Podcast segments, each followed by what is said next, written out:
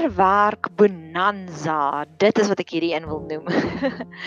Want iets baie baie weird gebeur nou hierso in Johannes 5.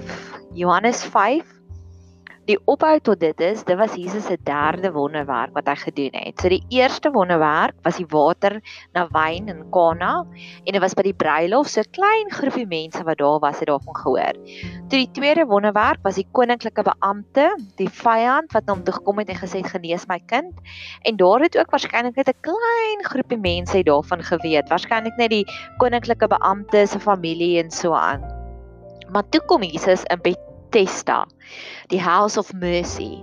En in die vorige potgooi het ek gesê daai groot menigte siek siekes in um Johannes 5 vers 3. Daar is al Bybelse skoolleerders wat beraam, daar was omtrent 3000 mense. So ten minste 3000 mense het hierdie wonderwerk aanskou. And boy, it spread like wildfire. En die eerste ding wat gebeur is is as gevolg van hierdie wonderwerk wat Jesus gedoen het op die Sabbat, dadelik is die fariseërs vies vir hom en dadelik begin hulle planne te maak om hom dood te maak. En dis verskriklik, né? Vir dan nie net soos o, ons gaan jou liggies oor die vingers tap tik nie. Nee, hulle maak planne hoe om hom dood te maak. Johannes 5 vers 16.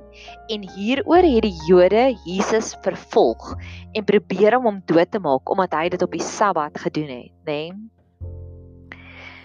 So, ek wil graag stil staan by die punt. Hoeveel mense ken ons nie net wat soos die Jode is nie. Jesus doen hierdie wonderwerk en in plaas daarvan om te marvel, is hulle vies. Hulle kondem hom. En ek ken baie mense soos dit wat ek eintlik dink, weet jy wat Sisakkie, 6 maande terug het ons gebid en nou gee God vir jou die oplossing en nou is jy ontevrede met die oplossing ook. So mag ons bid, Here, God hou haat dat ons nooit soos daai Jode word van mense wat U doen hierdie wonderlike ding in ons lewe en dan in plaas daarvan om vol dankbaarheid te wees, is ons veroordelend teenoor U. Mag ons sy daagliks in 'n lewe van aanbidding en ek gaan nou-nou oor aanbidding ook gesels, maar 'n lewe van dankbaarheid, 'n 'n 'n kultuur van dankbaarheid kweek. En dan 'n interessante ding is as jy 'n King James Bybel het, ek dink is net King James wat dit doen of as jy eSword het, gaan kyk bietjie van King James en eSword of King James weergawe. Print alles wat Jesus gesê het in rooi. Alles is in swart behalwe dit wat Jesus het is in rooi, nê? Nee? En as jy gaan kyk ter die vorige hoofstukke in um Johannes, ons is nou in Johannes 5. So as jy begin by Johannes 1, kom ons kyk gou-gou. Daar is twee ja, so 5 versies in rooi. Johannes 2 dan word dit bietjie meer nee, die Johannes 2 is ook omtrent net 3 versies. Johannes 3, okay, dis nou waar Jesus die one-on-one gesprekke begin voer het. So daar's al so bietjie meer in rooi. Johannes 4, die one-on-one gesprek met die Samaritaanse vrou, bietjie meer in rooi, maar dis rooi, swart, rooi, swart. Maar Johannes 5, as jy gaan daarvan vers 16 af is dit hierdie rooi blokke nee dis is net Jesus wat praat Jesus wat praat. En die tweede ding is in die vorige gesprekke is dit iemand vra 'n vraag en hy antwoord. Maar hierso kom daar hierdie fontein van wysheid wat ontlont is in Jesus.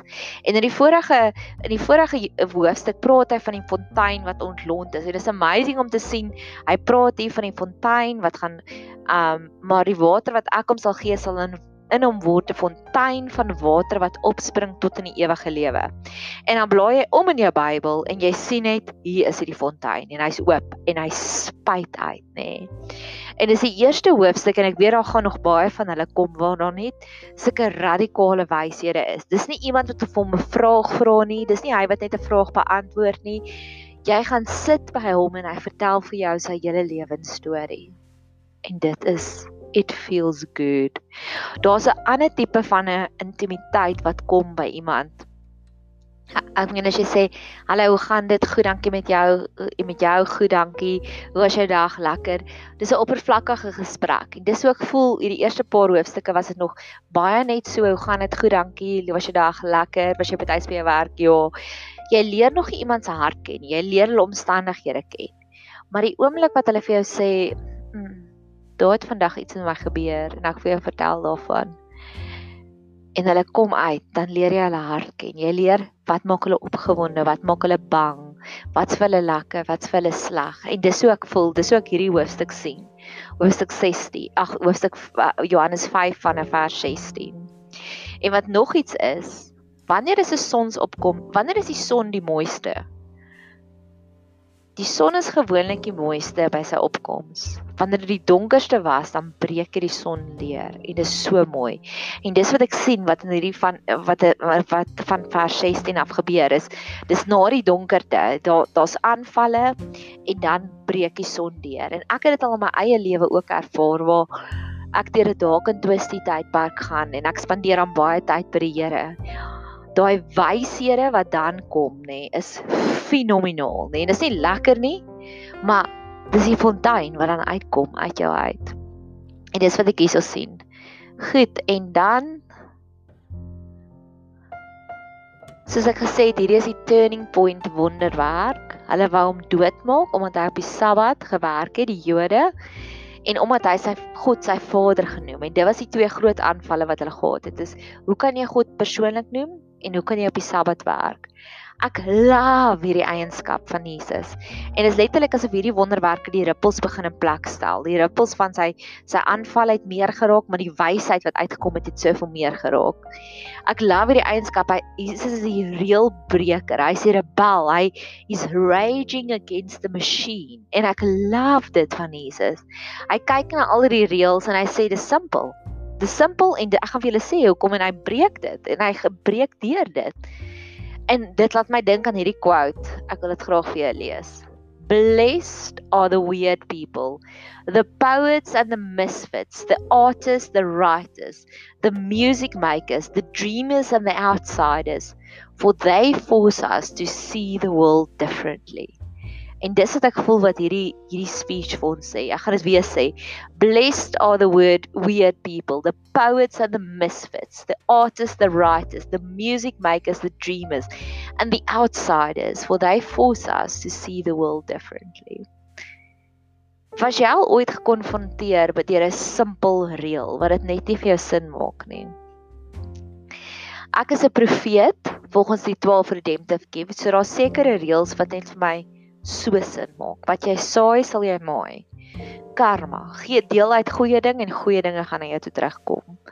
Daar's sekere sulke reëls wat ek soos tot die dood toe sal regverdig en sê dit werk so, dis oukei. Okay. Dis geestelike saadjies wat ons strooi. Daai wat Jesus vertel het van die die gelykenis van die saaier. Daai het ek al keer op keer gesien manifesteer.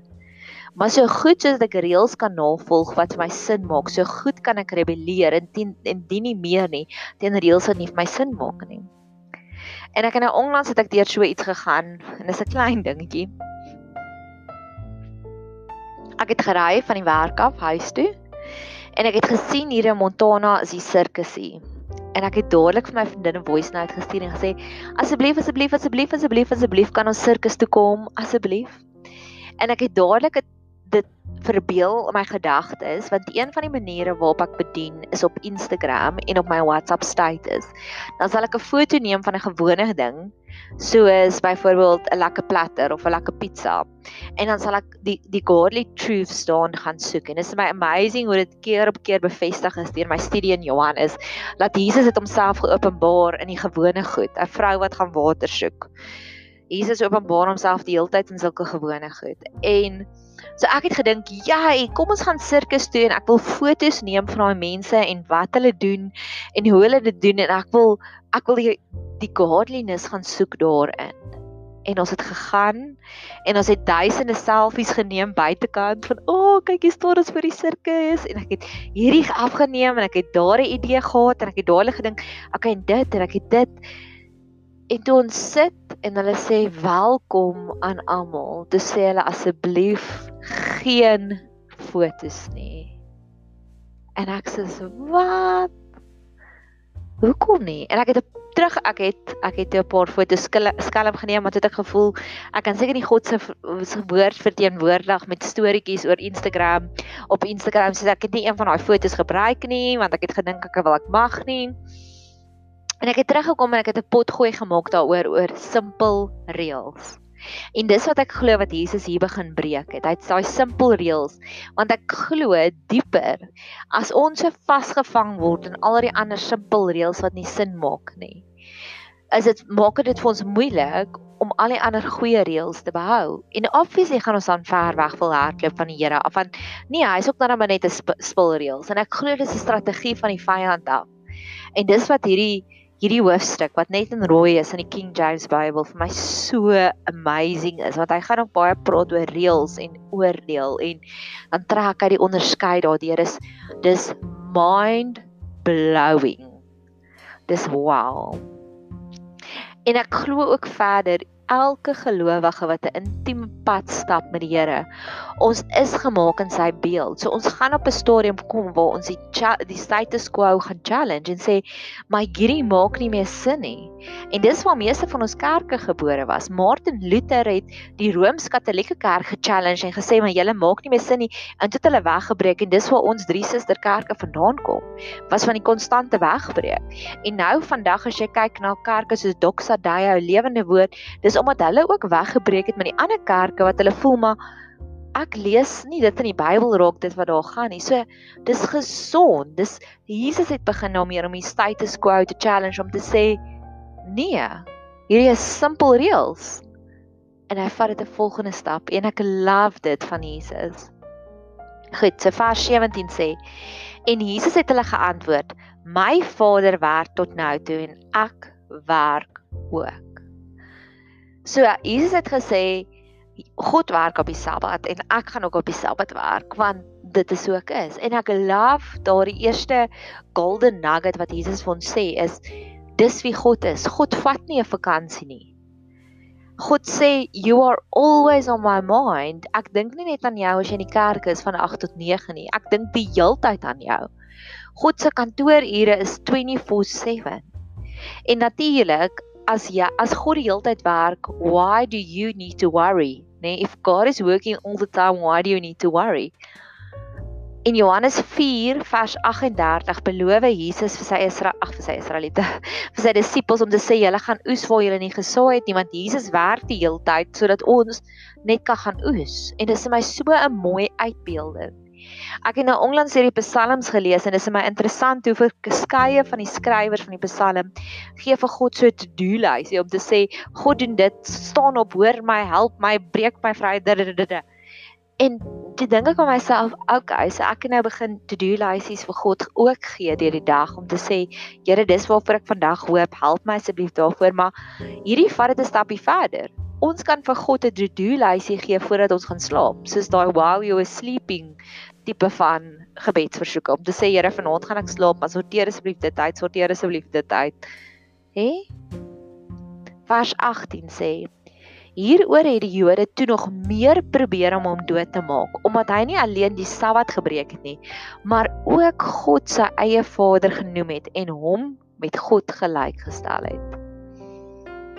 En ek love eers van alles daai hom met God gelyk gestel.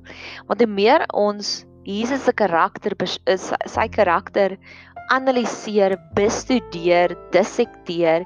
Hoe meer ons kyk hoe hy gereageer het op sy instansies, hoe meer ons geluister het oor sy identiteitsspeech, want hierdie is sy identiteitsspeech. Dit is hierdie een waar hy sê, "Hello world, this is me." Dis sy heel eerste publieke speech volgens Johannes wat hy doen om te sê dis waarvoor ek staan en dis wie ek is. En ek love dit want hoe meer ons dit gaan bestudeer hoe meer sien ons God. Want dis wie God is. Hy is in God se beeld gemaak. Hy is God se gelyke hy stel homself gelyk. Dis wat die Jode hierso sê.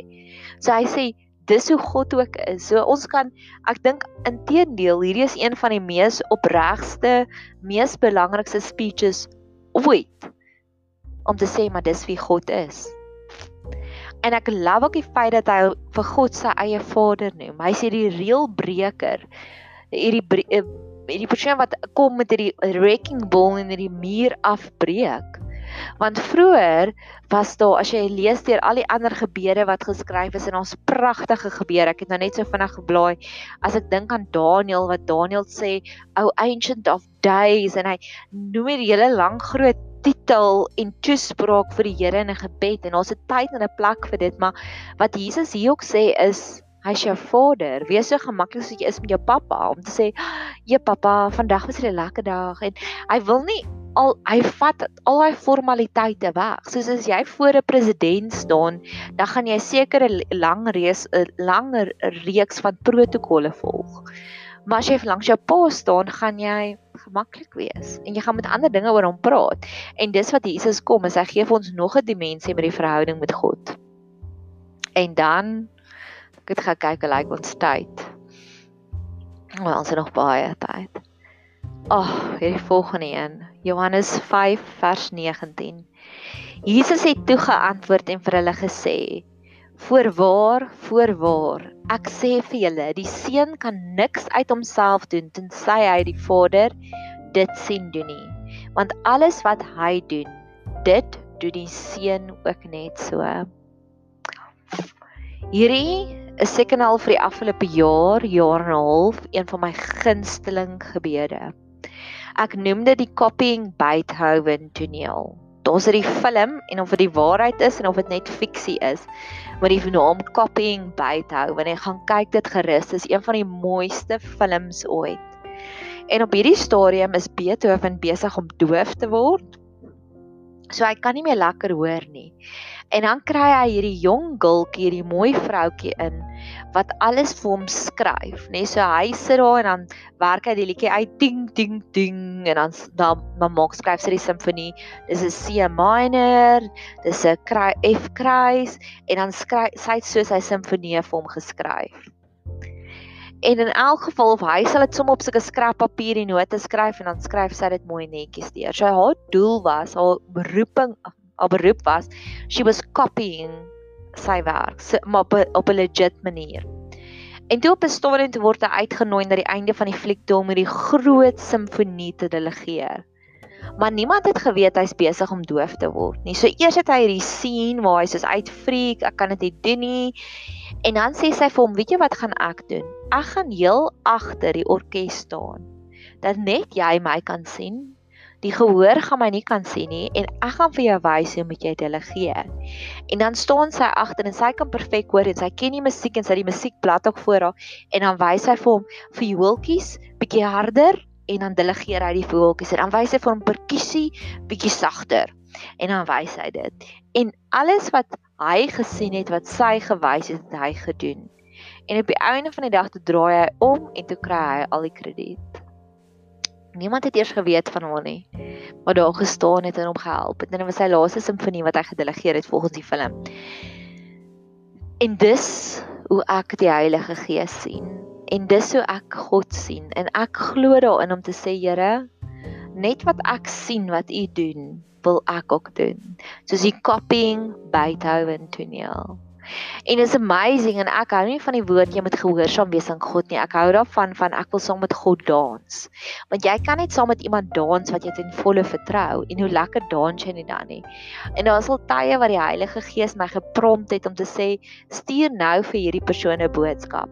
Of daar's een 'n geloofsleier wat ek weet wat baie privaat is wat ek 'n hele paar keer vir haar boodskapies gestuur het met geen antwoord nie. En dan dink ek, okay, hoekom doen ek dit? En 'n jaar later toe sê sy vir my, weet jy wat, ek het gesien jy is legit. En sy het baie seer gekry deur ander gelowiges wat voorgegee het hulle is haar vriendinne en dan hulle net actually nog messe in haar rug gesteek en dis wat gebeur. So mag jy ook daardie Johannes 5 vers 19 kry van net dit wat jy die Here sien doen. En wat ek ook sal doen, 'n copying Beethoven sien.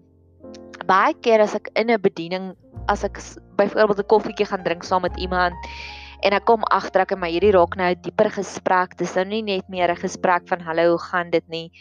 Dan sal ek baie kere vir begin bid terwyl ek waar sit, maar sonder dat hulle weet. Net in my gedagtes soos Here, wat kan ek sê? Wat kan ek sê? Wat kan ek sê? En dan ewe skielik dan kom haar idees opgepop en dan wanneer sy klaar is, as ek wil sê, weet jy wat, ek voel so of ek het vir jou hierdie storie. En ag oh, hy het my nog nie laat val nie. Nie dat ek verwag hy gaan my laat val nie, maar baie keer is dit die weirdste voorbeelde of die weirdste metafore wat daar opkom en dan gaan daai liggies net so aan in hulle oë en dit is pom pom pom. Daar's hy, the eagle has landed. En dis wat ek sien, is hoe meer intiem jy met die Here loop en dis wat Jesus ook hier gesê het. So mag ons daardie gebed copy and paste. Die copying Beethoven gebed. Vers 20. Want die Vader het die seun lief en toon hom alles wat hy self doen. En wag vir dit. Hierdie is my favourite een. En groter werke as hierdie sal hy hom toon sodat jy verwonderd kan wees. Dis amper asof Jesus hierdie belofte gee, soos watch this space. Wag, wag, wag. Ek gaan jou amaze. You can be amazed. Of onthou jy in die ou dae of nee, in die ou dae nie, maar 'n paar jaar terug was die Mnet advertensies was dit so 'n liedjie van let me, let me entertain you of was dit Sun City? Ek kan dit nie onthou nie, maar een van hulle se advertensies was is let me entertain you. En dis amper wat Jesus hierso aanbied. En soos ek sê, ek was 'n paar weke terug by die sirkus, juis om op soek na daai vermaak. En actually hoef ek net Bybel te gelees het want Jesus beloof hierdie vermaak. En die vermaak daar is in in Grieks is um of verwonderd wat hulle wat Jesus beloof is thaumazo, thaumazo. Dit klink sommer so, dit klink sommer so showbusy agtig, thaumazo. So dalk kan jy vandag bid, Here, gee my vandag my daaglikse thaumazo. Laat ek verwonderd sal wees. En dis ook wat ek glo wat beteken God sê ons moet hom vrees, maar ek dink nie dis 'n vrees van ooh my broekie bewe nie. Ek dink dis meer 'n verwondering, 'n amazement, 'n wow, 'n so amazing. Ek kan nie wag nie. Let me entertain you. Dis amper daarie. En daar's hierdie liedjie van Planet Shakers, um Show of Your Glory dink ek. Ek weet nou nie wat se liedjie se naam nie. Planet Shakers. En ek het hierdie liedjie ontdek. Show of your glory. 2 jaar terug op 'n um net in 'n donker tydperk. Ek kan nie onthou wat was die rede nie, maar ek kan onthou ek was nogals honger na na die Here toe op daai stadium. Um Rain Rain your glory down, dis die liedjie van van Planet Shakers. En toe ek gegaan na 'n kerkdiens toe, dit was een van daai middel van die week kerkdiens. Dit was een van 'n spesiale geval en ek het twee Tanjas op daai stadium in my lewe gehad en toe die een Tanja het my saamgenooi na hierdie kerkdiens toe en ek hou eintlik nie in besonder baie van die spesifieke kerk waar dit aangebied is nie. En dis ek wag het ek sê laat weet en toe bid ek daaroor en toe uh, my ander Tanja vriende nooi my toe nou uit na dieselfde diens toe. Ek sê, "Okay, wow." hiervoor moet ek aandag gee. As beide, ek ken net twee Tanjas en albei die Tanjas, 'n Tanya beteken queen. So as die twee queens in my lewe vir my sê kom saam met my na hierdie onwaarskynlike kerk toe, dan weet jy jy moet. En ek kan eers die diens onthou nie. Ek kan net onthou ons het hierdie liedjie gesing. Show off your glory, let heaven invade. En um die mooiste gedeelte en ek het dit gesing en dit was letterlik net daar die turning point ook gekom vir my ek kan eers soos ek gesê ek kan nie die details onthou van die donker tydperk nie. Ek kan seker my joernale gaan kyk, maar ek kan onthou ek het hierdie liedjie gesing en gesing en gesing en hom teruggekom huis toe en hom gesing en gesing en gesing. En hy sê daar leave me astounded, leave me amazed. Show of your glory, let heaven invade. En dis wat hierdie stukkie vir my in Johannes 5 vers 20 sê. En groter werke as hierdie sal hy hom toon sodat julle verwonderd kan wees. Mag God vir ons ons daaglikse vermaisou gee. So net om saam te vat in hierdie stukkie.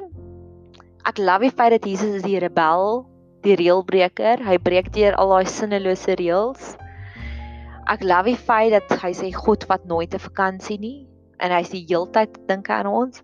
Ek love die feit dat Jesus vir ons nog 'n nuwer en 'n dieper dimensie leer van jou intimiteit met Jesus, met God. Skus. Hy wil nie hê ons moet net 'n reeks titels daar God toe kom nie. Ons moet God moet ons pappa wees. Die copying Beethoven sien waar gesê het alles wat Jesus is Jesus het gekyk wat doen sy Vader en dan copy and paste hy dit en mag ons ook daai verhouding hê. En Jesus sê en dit is soos die 1 2 3. Die derde ding wat hy vir ons sê is I want to astound you. I want to amaze you. I want to entertain you. Mag jy 'n super geseënde dag hê verder.